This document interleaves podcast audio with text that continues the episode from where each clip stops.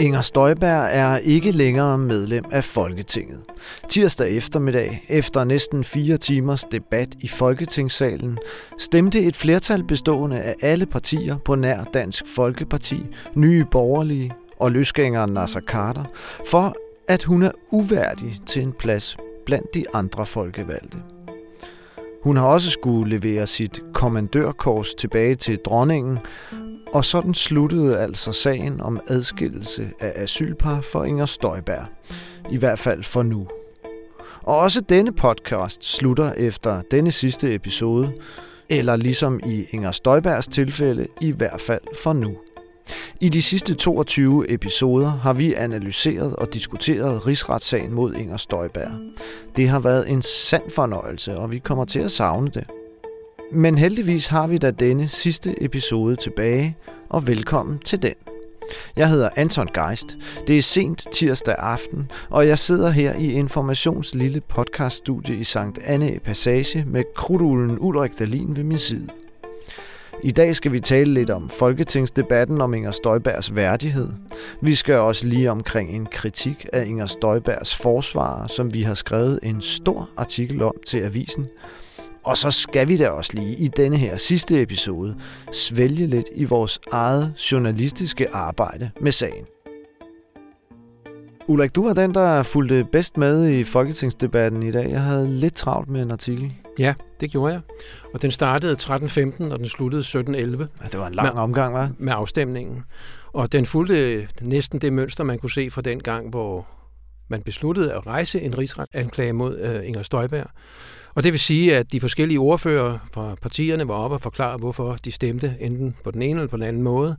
Og øh, til alle dem, der stemte for, at Inger Støjberg ikke længere var værdig til at sidde i Folketinget, der havde så en lang vagtparade af medlemmer af Dansk Folkeparti korte bemærkninger, hvor de anførte deres partiformand, i hvert fald indtil videre, Christian Thulsen Dahl, øh, stillede næsten de samme spørgsmål til alle ordførerne. Og det gik sådan lidt på, at øh, Hvordan kunne det nu være, at man ville øh, rejse en rigsretssag mod Inger Støjberg, når man tidligere, der var mange eksempler på, at ministre havde gjort ting, som kunne være kritisable, men som ikke havde ført til en rigsretssag? Ja, og vel også det her med, at øh, Socialdemokraterne og Venstre og de konservative i sin tid i forbindelse med anklagen imod Inger Støjberg fik øh, indført i øh, sådan en betænkning, eller hvad det var, at øh, de var politisk enige i ambitionen om at adskille parerne. Og det kan jeg egentlig godt forstå, at øh, Dansk Folkeparti river dem lidt i næsen nu. Det har Inger Støjberg også gjort tidligere, for hvad vil det sige? Man er politisk enig, og alligevel rejser man øh, tiltale mod hende. Jo, men der var argumentet jo fra alle de her ordfører, Carsten Lauritsen og Jeppe Brugs og Maja Mercado, at øh, ja, øh, man var enig i ambitionen, men det skulle selvfølgelig være en administration, der var lovlig. Selvfølgelig var det det, de sagde, og det er jo også rigtigt, men jeg synes også, at man lidt lagde en snubletråd ud for sig selv dengang, ikke? da man vedtog den her tekst. Ja, det gjorde man i allerhøjeste grad. Vi har jo været i den her podcast mange gange inde på det der med, at man ville have, at hendes misvisende og urigtige oplysninger til Folketinget skulle være en skærpende omstændighed, men det afviste rigsretten jo øh, i en af sine allerførste kendelser med, at det, man kunne ikke have det som en skærpende omstændighed, når der ikke var ført selvstændigt bevis for. Ja, det var en anden lidt øh, besynderlig disposition fra Folketinget dengang. Ikke? Nå, men tilbage til den nye folketingsdebat, Ulrik. Ja. Øh, det tog altså fire timer ja. næsten, og øh, det var øh, på en eller anden måde det samme som at se sådan en hvad hedder sådan noget, en, øh, en mus i en øh, musetrappe eller noget af den stil. Ikke? Det var de samme og de samme eller og de samme. hamster de i et hamsterhjul. Hamsterhjul, det er det. Tror du ikke, det var det billede, du ledte jo, efter? det var det faktisk. Ja, ja. Men øh, altså det, det var de samme argumenter, som de rejste, og de fik cirka de samme svar fra ordførerne det var sådan lidt øh, dansk udlændingepolitik i en nødskal, ikke? Altså, det, du har Dansk Folkeparti, som bankede løs øh, på de andre, og det gør Nye Borgerlige også, og så begyndte de at skændes internt. Ja, det gjorde de. Altså, øh, Nye Borgerlige anklagede jo simpelthen Dansk Folkeparti for at have været så passiv øh, under Lykke-regeringen øh, i den tid, hvor mange flygtninge kom til Danmark der i, tilbage i 2005. De har simpelthen ikke været udlændingepolitisk radikale nok, kunne man forstå på øh, Pernille Vermund. Og øh, Christian Thulsen Dahl, han skød tilbage med, at øh, jamen, det var da sjovt, Pernille Vermund, der havde siddet og været medlem af de konservative dengang, med pæne folk, der gik ind for en human udlændingepolitik, og så pludselig havde opdaget, at udlændingepolitikken faktisk øh, var noget, der var vælgere i. Ikke? Ja, det man kunne en, også øh... se, at det var et spørgsmål, som øh, berørte i for eksempel sådan en som Pia Kjærsgaard. Altså, Forekom hun, hun også dig berørt simpelthen? Ja, hun var oppe som privatist. Det var ja. øh, adskillige sådan set fra Dansk Folkeparti og øh, forklare, hvorfor hun synes, det var en en sovens dag. Og Jamen. rigtig mange brugte det der billede med, at det var den 21. december, det er årets korteste og mørkeste dag, og det var også en mørk dag for folkestyret. Ja, for søren. Det var en vis gravitas, var. Ja. Hvad hedder det? Øh, hun virkede berørt, synes jeg faktisk. Ja, det gjorde hun. Altså, Pia Kjærsgaard, hendes ja. stemme knækkede over sådan lidt nogle gange. Ja.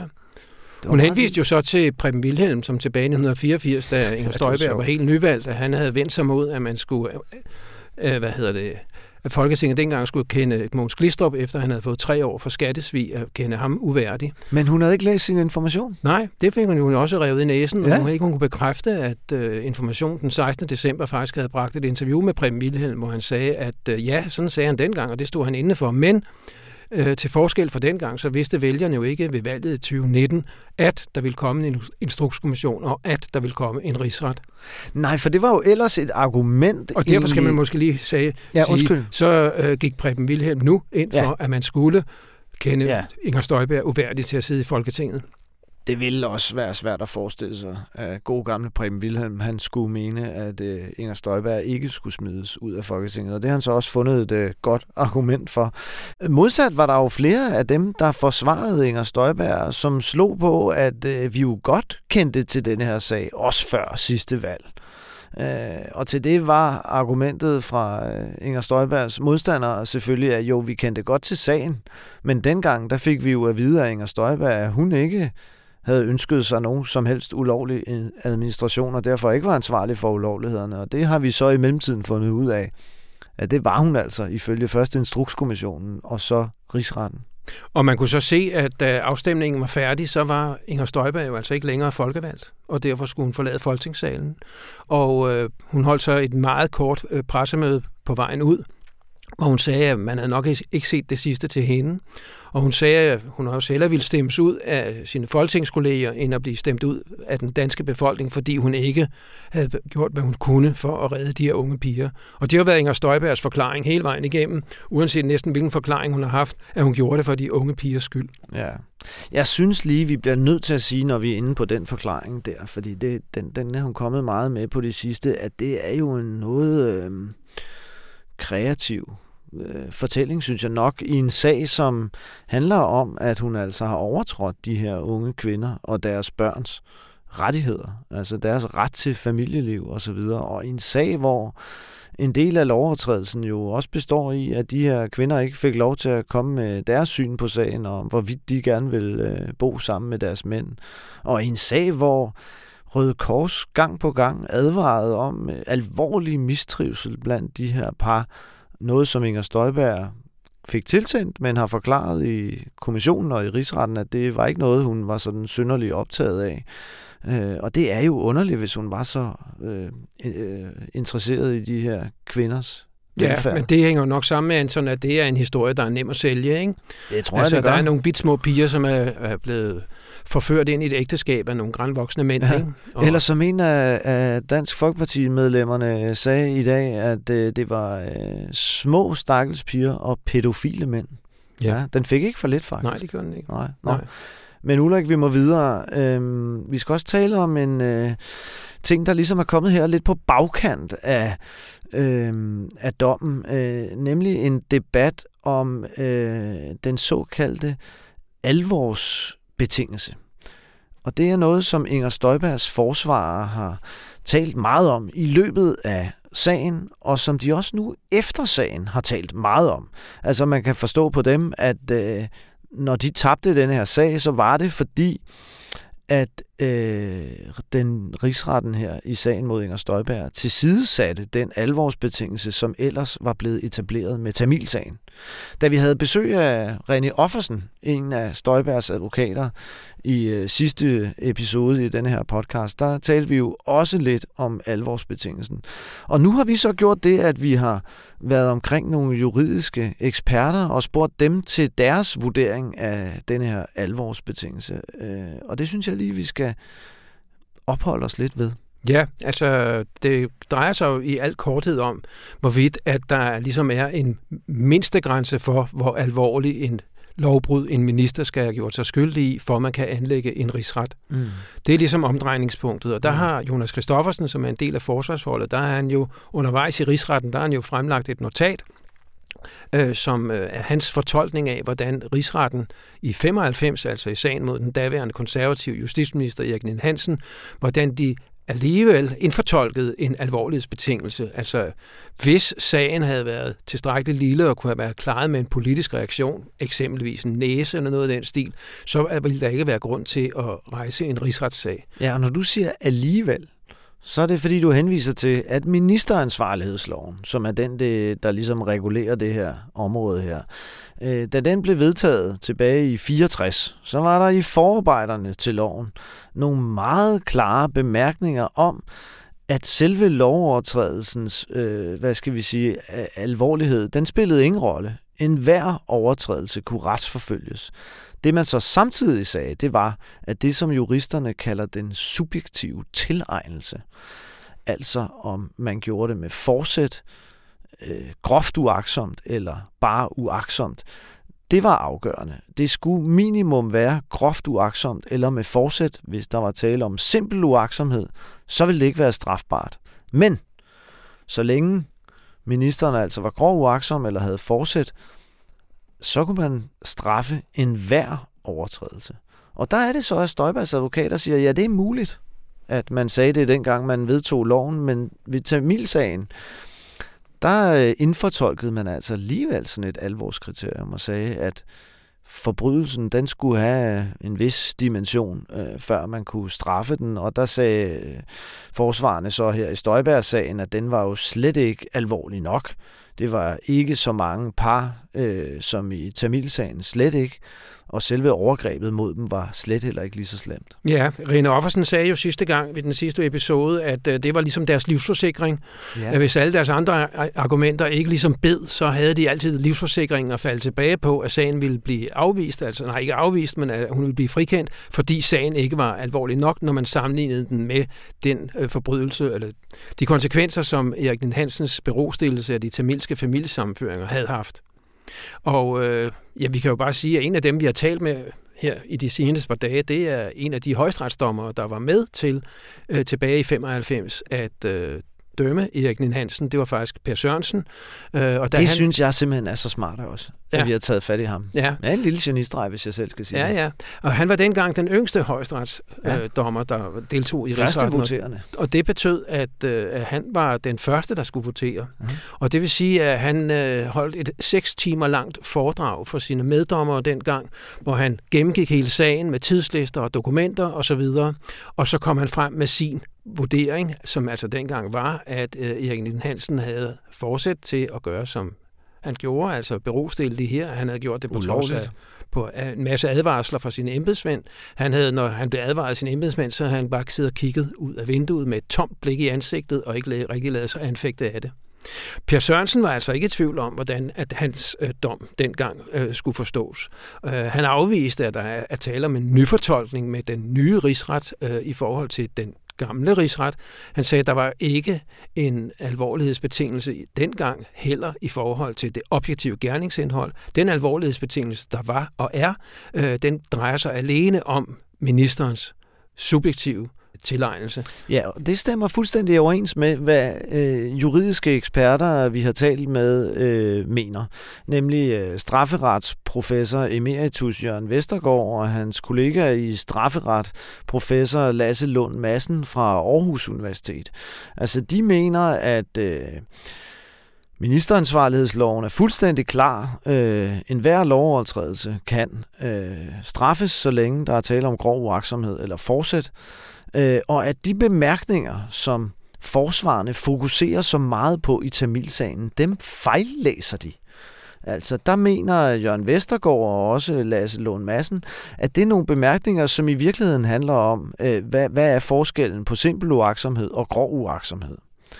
Og det øh, er Jonas Christoffersen, som er ham, der har skrevet øh, notatet og en del af Inger Støjbergs forsvarshold, som du sagde, Ulrik, øh, meget uenig i. Han læser øh, denne her passage i Tamildommen øh, fuldstændig anderledes, og han mener også, at øh, det går som en rød tråd ned igennem hele sagen, at der altså kræves en vis alvor. Øh, det er sådan, mener han, at Nin Hansen, han, øh, han, det står på et tidspunkt, hvor han med sikkerhed øh, begår ulovligheder med forsæt, så vælger man ligesom, hvad skal man sige, at vente med at dømme ham indtil overtrædelsen er alvorlig nok, mener Jonas.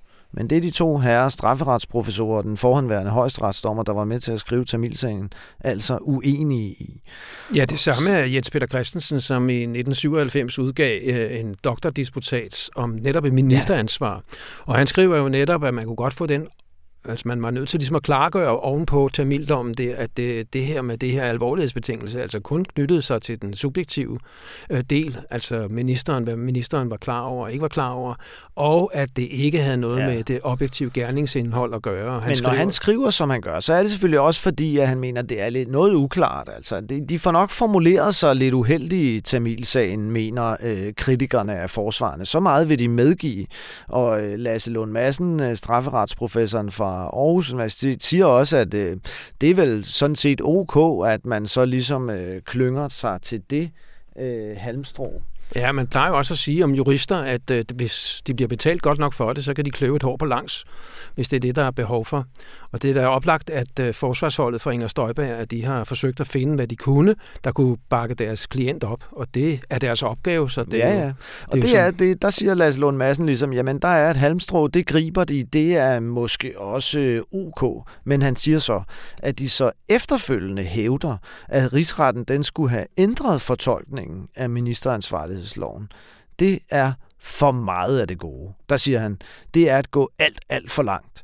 Vi kan højst kalde det en præcisering af det, der hele tiden har været meningen med loven, og som måske fremstår en smule uklart i Tamilsagen. Ja. Under andre omstændigheder kan man jo også sige, at den nye rigsretsdom, altså den øh, mejsler det ud det i gasbeton. Øh, de skriver, altså de stiller spørgsmål, gælder der en alvorlighedsbetingelse, og så konkluderer de på baggrund af lovbemærkningerne tilbage fra den der ministeransvarlighedslov fra 1964, nej, det gør der ikke. Ja, og det er, der er det så, at Inger Støjbergs forsvar siger, at det er en nyfortolkning, og det afviser øh, øh de her herre professorer altså.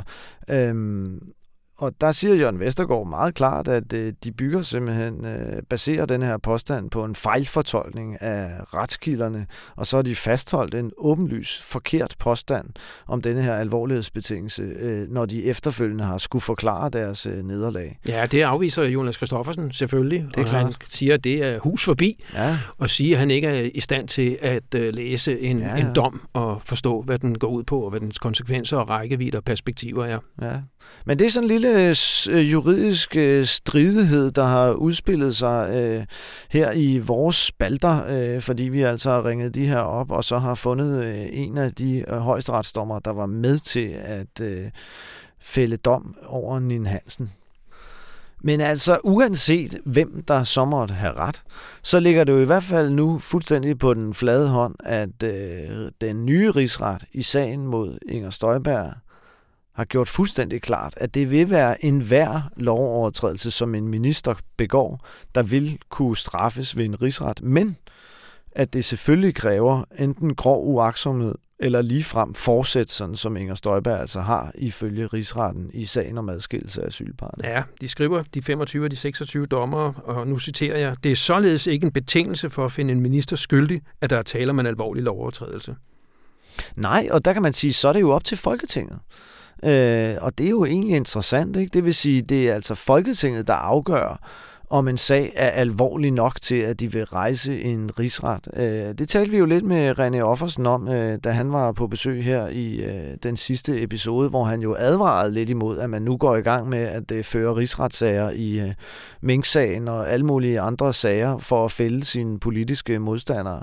Og der kan man da sige, at øh, der øh, slår den nye rigsret jo i hvert fald fuldstændig fast, at der har de altså et vidt spillerum, og det øh, kræver jo også øh, en vis tillid til Folketinget at tro på, at de ikke vil benytte det til at begynde at føre en masse sager. Men på en eller anden måde har jeg det også sådan, Anton, at det ligger lidt i, det ligger lidt i, det på en eller anden måde lukker de om sig selv, fordi hvem kan rejse en rigsretssag? Det kan Folketinget. Klar. Det kan ingen anden. Og det, hvis der er et flertal i Folketinget for at rejse en rigsretssag, så kommer den. Så derfor er det jo Folketinget, der afgør, at denne her sag alvorlig nok? Det synes jeg også, nok? fordi ellers, hvad ville det også være for en tilstand, man havde? Så ville Folketinget rejse en sag, og så ville der sidde nogle dommere i rigsretten og sige, jamen den er ikke alvorlig nok. Ja. Øh, det, den dur ikke. Ja. Altså det vil jo heller ikke gå. Ja. Det kan vi heller ikke have i demokrati. Ja. Måske skulle man lige have den sidste krølle på den ja, her del af det, nemlig at uh, under dagens debat, der var en af privatisterne, det var jo den tidligere statsminister Lars Løkke Rasmussen, Ja. Og øh, han måtte jo også gribe lidt i egen barm øh, og øh, vedstå, at hvis, øh, hvis øh, han nu, dengang han var statsminister, hvis han havde været øh, ført en, altså givet en øh, næse til Inger Støjberg, hun var gået af som minister, og man, han havde nedsat Instrukskommissionen, så var vi ikke endt med en rigsretssag. Og det er jo rigtigt, men det hang jo sammen med, at dengang var det jo en definerende del af Lars Løkke Rasmussens projekt øh, som statsminister, nemlig at vi skulle have en hård udlændingepolitik, og den skulle basere sig på opbakning fra Dansk Folkeparti. Ja, og han kunne jo have gjort, som han gjorde i statsløsesagen, som vi tog jo i sin tid gravet ud, ikke? Altså, der øh, efter, jeg kan huske, kan du huske de der pressemøder, hvor vi havde afsløret hele sagen? Ja. Til sidst, så sagde han, hvad var det, han sagde? Øh, jeg er træt af at høre på alle de historier information. Det er ikke information, jeg har bedt undersøge den her sag nu, det er en undersøgelseskommission. For Lars Lykke nedsatte nemlig en undersøgelseskommission, og han fyrede Birte Røn Hornbæk. Ja. Og det betød jo også, at den sag endte ikke i en rigsret, fordi det havde fået en konsekvens for Birte Røn. Men der var Inger Støjberg en anderledes stærk minister. Hun var den, der havde fået fjerde flest personlige stemmer ved valget, og udlændingepolitikken var blevet et endnu vigtigere projekt øh, i den regering, hvor hun var blevet udlændinge- og integrationsminister. Men det ærger han så måske nok lidt over i dag, Lars. Ja, man kan da også sige, at skatteborgerne kan da ærge sig lidt. Ikke? Det har måske kostet et par hundrede millioner, at han ikke havde røv nok i bukserne Nej, dengang. Ja, lige ved, jeg vil sige, det har, har været alle pengene værd, i hvert fald i underholdningsværdi. I hvert fald for sådan nogen som os, Ulrik. Og det bringer os jo fint videre til, at vi selvfølgelig her i den sidste øh, episode af podcasten Støjbergs Instruks, der skal tale lidt om vores egen dækning, som har strakt sig over efterhånden mange år. Hvad er din yndlingshistorie, Ulrik, af dem, vi selv har lavet? Ja, det var en, som øh, vi fik fat i, eller øh, kom i gang med i juni øh, 17. Og øh, det hang sammen med, at Inger Støjberg på det tidspunkt jo øh, var meget fremme med, at øh, det kunne godt være, at øh, mange ting kunne have været lidt anderledes, men hun var i hvert fald glad for, at hun havde reddet fire piger. Og så satte vi os for at undersøge fire piger, hvor har hun det fra? Og det gik hurtigt op for os, at det var der ikke nogen dokumentation for. Altså den dokumentation, som øh, Inger Støjberg havde, den havde hun sådan set fra en opstilling af ja. parerne, som øh, ombudsmanden havde lavet. Mm. Og vi forhørte os i ministeriet, og vi forhørte os i Uddannelsesstyrelsen, hvad er det for nogle fire piger, og hvordan var de blevet reddet? Og kunne så starte med en artikel øh, øh, med, at der er altså ikke nogen dokumentation for den her påstand. Og så søgte vi noget agtindsigt, og så fik vi fat i nogle, eller fik adgang til nogle skemaer, øh, hvor de der forskellige par ja, ja. anonymiseret var stillet op og så videre. Ikke? Og der kunne vi så øh, efter øh, lidt nærstudie af det, så kunne vi faktisk konkludere, at øh, hun faktisk kun allerhøjst redde en pige. Ja, og det var fedt nok jo, fordi at da Instrukskommissionen så øh, kom med sin beretning, så øh, var det jo også dens konklusion. Ja. Altså, at hun ikke reddede de fire piger, og at påstanden om det til Folketinget faktisk var en del af den vildledning, som kommissionen mente, hun havde gjort sig skyldig i. Ja, det er rigtigt. Øhm, det var også en god historie. Virkelig god historie. Så spørger du nok mig, Ulrik. Det tænkte jeg i hvert fald, du vil gøre. Men du har ikke gjort det. Nu spørger jeg mig selv. Hvad er så din yndlingshistorie, Anton? Nej, det synes jeg, vi springer over, Anton. Ja, ved du hvad? Nej, hvad er så din yndlingshistorie? Ja, tak skal du have, tak skal du have Ulrik, for det spørgsmål. Ja. Jamen, det tror jeg er øh, den historie, vi har talt om flere gange, nemlig grundet-mailen. Ja, altså, den tror jeg altså også fik stor betydning. Det gjorde den nemlig rigtig stor betydning. Altså, det var sådan, at øh, der var et møde, et koncerndirektionsmøde, den 10. februar 2016, som var fuldstændig central i sagen, ind til vores historie i hvert fald. Ved det her møde, sagde Inger Støjberg, og oplyste hendes ministerium gang på gang til ombudsmanden og til Folketinget, der fik Henrik Grundet, den daværende direktør for Udlændingsstyrelsen, besked om, at Udlændingsstyrelsen den skulle administrere med undtagelser. Så han fik altså ved det her møde besked på en lovlig praksis. Det blev mundtligt tilkendegivet. Det blev mundtligt. Der var jo heldigvis ikke nogen, noget referat af det, men altså mundtligt, der kunne man så oplyse, at der havde han fået det at vide. Og det var i virkeligheden omdrejningspunktet for Inger Støjbergs forklaring dengang. Det var præcis det her møde. Fordi lige præcis der, der havde dem, der skulle udføre adskillelserne, altså fået besked på at gøre det på lovlig vis, altså med undtagelser. Men som sagt, vi fik hele tiden at vide, at der var ikke noget skriftlig dokumentation for det her. Og vi har talt om det mange gange, og nu skal jeg ikke fortælle mig alt for meget i det, men vi fik fat i en mail, som var blevet hemmeligholdt for Folketinget og for ombudsmanden, og det var noget, ombudsmanden blev rigtig sur over og træt af, da han fandt ud af det, da vi afslørede det, eller faktisk viste vi ham den, før vi skrev om den i avisen, men det er en anden sag. Og denne her mail, den viste meget klart, uden at vi skal fede for meget rundt i detaljerne, at Henrik Grundet havde ikke forladt det her møde med det indtryk, at der skulle ske en øh, adskillelse af asylpar, øh, som åbnede for, at der kunne være undtagelser? Nej, det var en, en, hans mail var en svar, hvor han skrev... Nu går du alligevel ned i det. Jeg prøvede at kom, slippe udenom det. Nå, okay. Ja, ja. Jeg, jeg gør det alligevel. Ja, jeg gør det, jeg gør det alligevel. Det er ja. den sidste podcast. Vi må ja. gøre, hvad vi vil. Ja, okay. Vi må danse på bordene, hvis det skulle være det.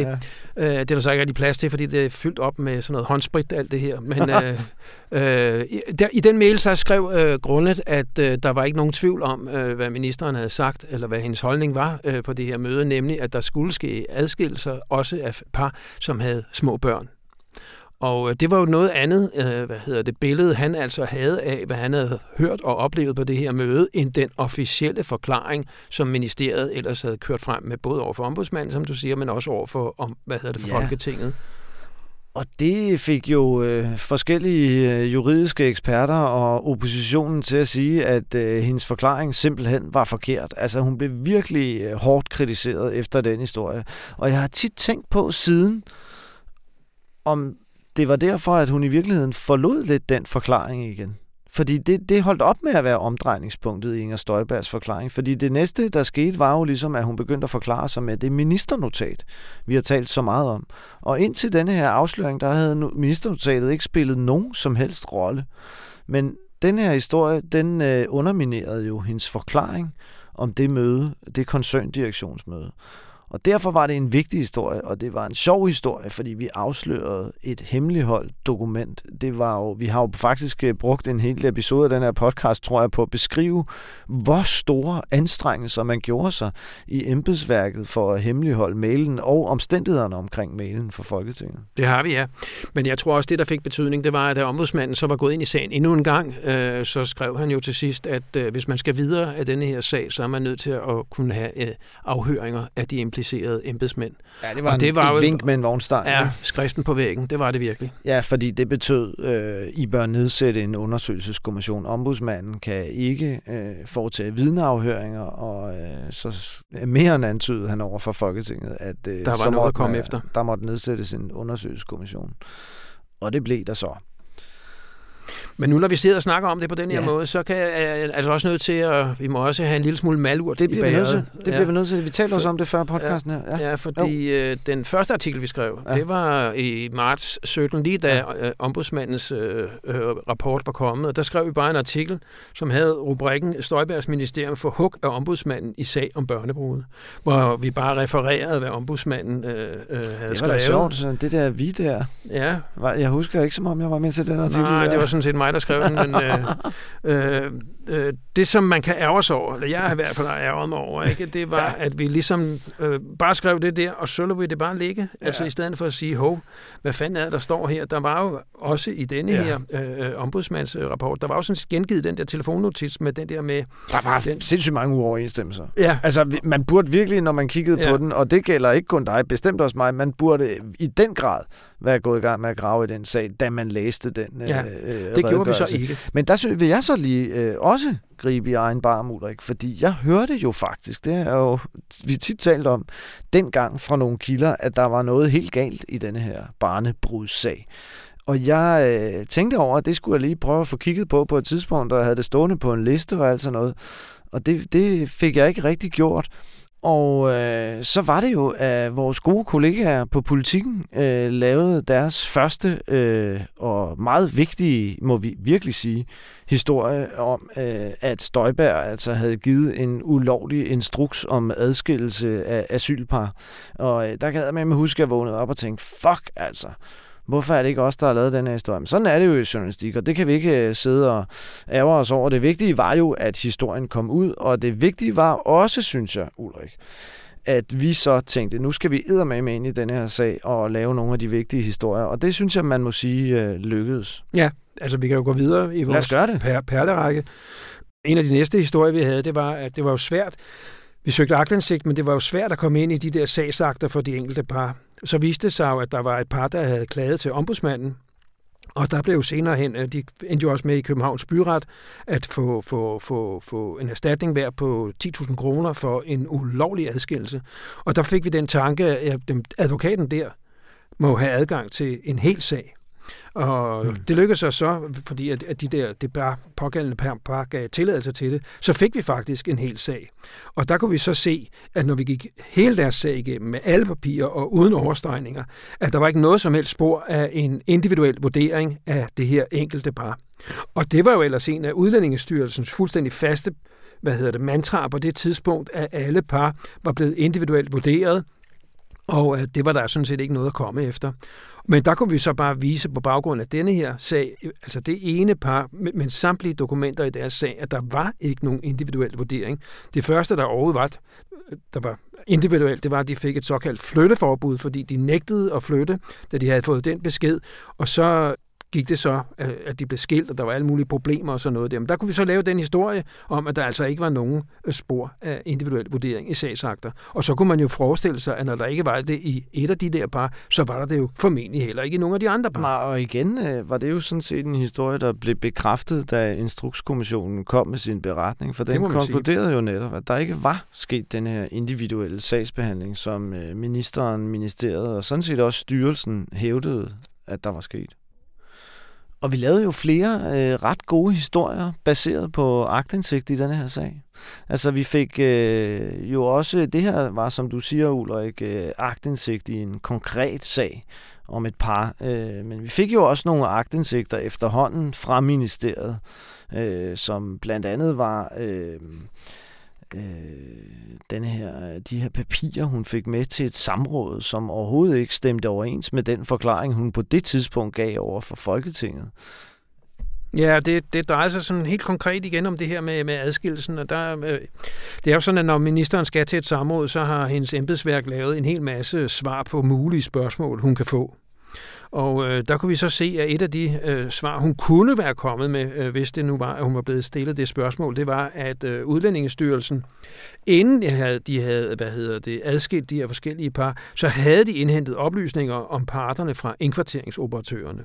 Og det viste sig at være forkert. Mm. Det havde de jo netop ikke. Mm. Det, de vidste, det var, hvor gamle de var, hvad de hed, om de havde børn eller ej, og hvornår de var kommet. Lige præcis. Det var forkerte oplysninger til Folketinget. En anden historie, vi også skal omkring, det er øh, den meget tidlige historie, vi lavede om øh, et folketingssvar, der er endt med at få stor betydning i sagen. Øh, det her folketingssvar, svar 630 øh, fra februar 2016, det var det første, Inger Støjberg gav i sagen. Og det var faktisk også en af de første historier, vi skrev og det er et folketingssvar, som rigsretten lægger meget stor vægt på. Øh, Thomas Rørdam øh, fremhævede det, da han øh, læste dommen op øh, over Inger Støjberg som en af de seks vigtigste punkter i sagen. Og det, der er bemærkelsesværdigt ved det her folketingssvar, det er, at Inger Støjberg her beskriver ordningen som fuldstændig undtagelsesfri. Og da vi skrev historien, der var hun begyndt at forklare, at det skam hele tiden havde været meningen, at denne her ordning skulle åbne for undtagelser. Og det stemte jo selvfølgelig ikke overens det var jo ikke noget, vi har fået i agtindsigt eller noget som helst. Det var jo egentlig bare sådan meget almindelig journalistisk benarbejde, at vi, da vi gik i gang med at dække det i 2017, så gik vi i gang med at pløje alle folketingssvar igennem. Og så opdagede vi, at det tidligste folketingssvar, der blev givet, det var i fuldstændig modstrid med den øh, forklaring, som Inger Støjberg altså gav i 2017. Ja. Og det var jo ikke det eneste. Der var også et svar 302, Præcis. som fulgte akkurat samme linje. De gengav, hvis man skulle sådan sige det lidt kort, de gengav jo den besked, som der var i pressemeddelelsen, nemlig at den var kategorisk, og det var uden undtagelse, at alle parerne skulle adskilles. Og det stred jo mod, at ministeren sagde, at den der pressemeddelelse sådan set kun var noget politisk skarpt skåret kommunikation. Dog, uden at vi skal gå alt for meget detaljer med det, men dog så var embedsmændene begyndt lige det svar, du nævner der, Ulrik, begyndt at få nogle bitte små forbehold ind. Der var de begyndt at tale om ministerens generelle instruks. Ja, det er rigtigt. Og det mener de, øh, har de forklaret i både kommissionen og rigsretten flere embedsmænd, at det var jo en måde at sige på, der godt kunne være undtagelser osv., men det var der i hvert fald ikke nogen af folketingsmedlemmerne, der forstod, at når der blev talt om en generel instruks, så var der undtagelser til den.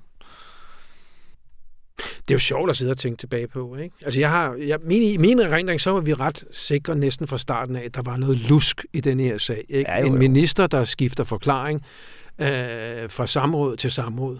Men mm. jeg vil sige, vi var, vi var ikke, det var ikke den generelle holdning øh, i de store dagblade. Øh, jeg husker for eksempel, at Berlingske på et tidspunkt på lederplads skrev sådan en tak Støjbær. Ja, det hed den tak til Inger Støjberg. Den har vi så også øh, lavet sjov med en del. Jeg har i hvert fald, Ulrik, nu er du ikke på Twitter, men jeg har drillet øh, Berlinske lidt med den øh, en del gange. Øh, og de har, det skal vi altså rimeligvis sige, efterfølgende skrevet nogle meget klare og kritiske ledere om Inger Støjberg og denne her sag. Det har de. Øh, men dengang, der skrev de altså denne her leder om, at jo, der var måske nok nogle sagsbehandlingsfejl, men grundlæggende måtte man jo takke hende for hendes store indsats for at adskille de her øh, asylpar. Og det var, øh, kan jeg huske, vi allerede kunne se dengang, helt skævt. Altså, og jeg kan huske, at jeg øh, bevæget mig over i en øh, genre, som vi ellers ikke havde skrevet i, sådan den lidt mere holdningsagtige, for vi havde jo skrevet meget nøgtern journalistik. Men jeg synes nu sådan set også, det var en relativt nøgtern artikel, men det var, jeg skrev en analyse, kan jeg huske, der hed, der er ikke en, men mange rygende pistoler i Støjberg-sagen. Og det var netop foranledet, det var en reaktion på den her berlinske leder, og det var også foranledet af, at mange øh, sådan i det politiske kommentariat øh, hele tiden gik rundt og sagde, det er jo ikke sådan, at der er lige frem af nogle øh, rygende pistoler i denne her sag. Og det synes jeg sådan set nøgternt betragtet, at der var. Og det skrev jeg så en analyse om, øh, fordi der var jo en lang række rygende pistoler. Vi har lige siddet og talt om, øh, om nogle af dem. Og nu er jeg jo ikke øh, typen, der sådan siger, I told you so, men øh, her sidder vi så fire og et halvt år efter, og Inger Støjberg er blevet dømt for sin rolle i denne her sag, og skal i fængsel eller have fodlænke på. Det vides ikke endnu. Ja, og øh, altså, man kan ikke lade være med at tænke på, at øh, det drejer sig jo dybest set om en ret ærgerlig ting, nemlig at en minister overtræder lovgivningen i et forsøg på at fremstå som absolut hardliner inden for øh, udlændingområdet, et område, hvor der jo er masser af sårbare mennesker i nogle forfærdelige situationer. Det var folk, der var flygtet fra den syriske borgerkrigs redsler herop, og det første, de får at vide, det er så, at de skal altså adskilles. Mm så de ikke længere kan bo sammen med den person, som de måske har holdt i hånden på vej over med gummi på, når jeg ja. ved ikke hvad. Ikke? Det er jo grusomt at tænke på. Ja, ja. Og så er det jo godt, at, øh, hvad skal vi sige, retfærdigheden sker fyldest, men jeg synes heller ikke, at der er noget særligt glædeligt ved det. Altså, det har været en... Øh, det har da på en vis måde været underholdende at følge, følge debatten her øh, om, om Inger Støjbergs værdighed i Folketingssalen, men det har også været en lidt trist omgang, øh, måske både på grund af, ja, skal vi ikke være helt ærlige og sige, niveauet var ikke øh, lige højt øh, hele vejen rundt, og også fordi det er altså, hun bliver godt nok trukket gennem sølet, ikke? Altså to måneders ubetinget fængsel, smidt ud af Folketinget, ikke nogen løn fra januar, skal aflevere sit øh, ridderkors tilbage til dronningen. Altså, øh, det er en hård omgang for Inger Støjberg, det må man sige. Ja. Og dermed er vi vist nået til vejs ende. Dette var den sidste episode af Støjbergs Instruks. Eller i hvert fald i denne her omgang, for vi synes, det har været så sjovt at lave den her podcast, at vi begyndte at tænke på øh, at skrue en ny sammen, så snart vi får lejligheden til det. Og så kan vi jo høres ved. Du kan finde resten af episoderne i din foretrukne podcastafspiller. Podcasten blev klippet sammen af Anne Pilegaard. Rasmus Bo Sørensen var redaktør. Tak for tålmodigheden.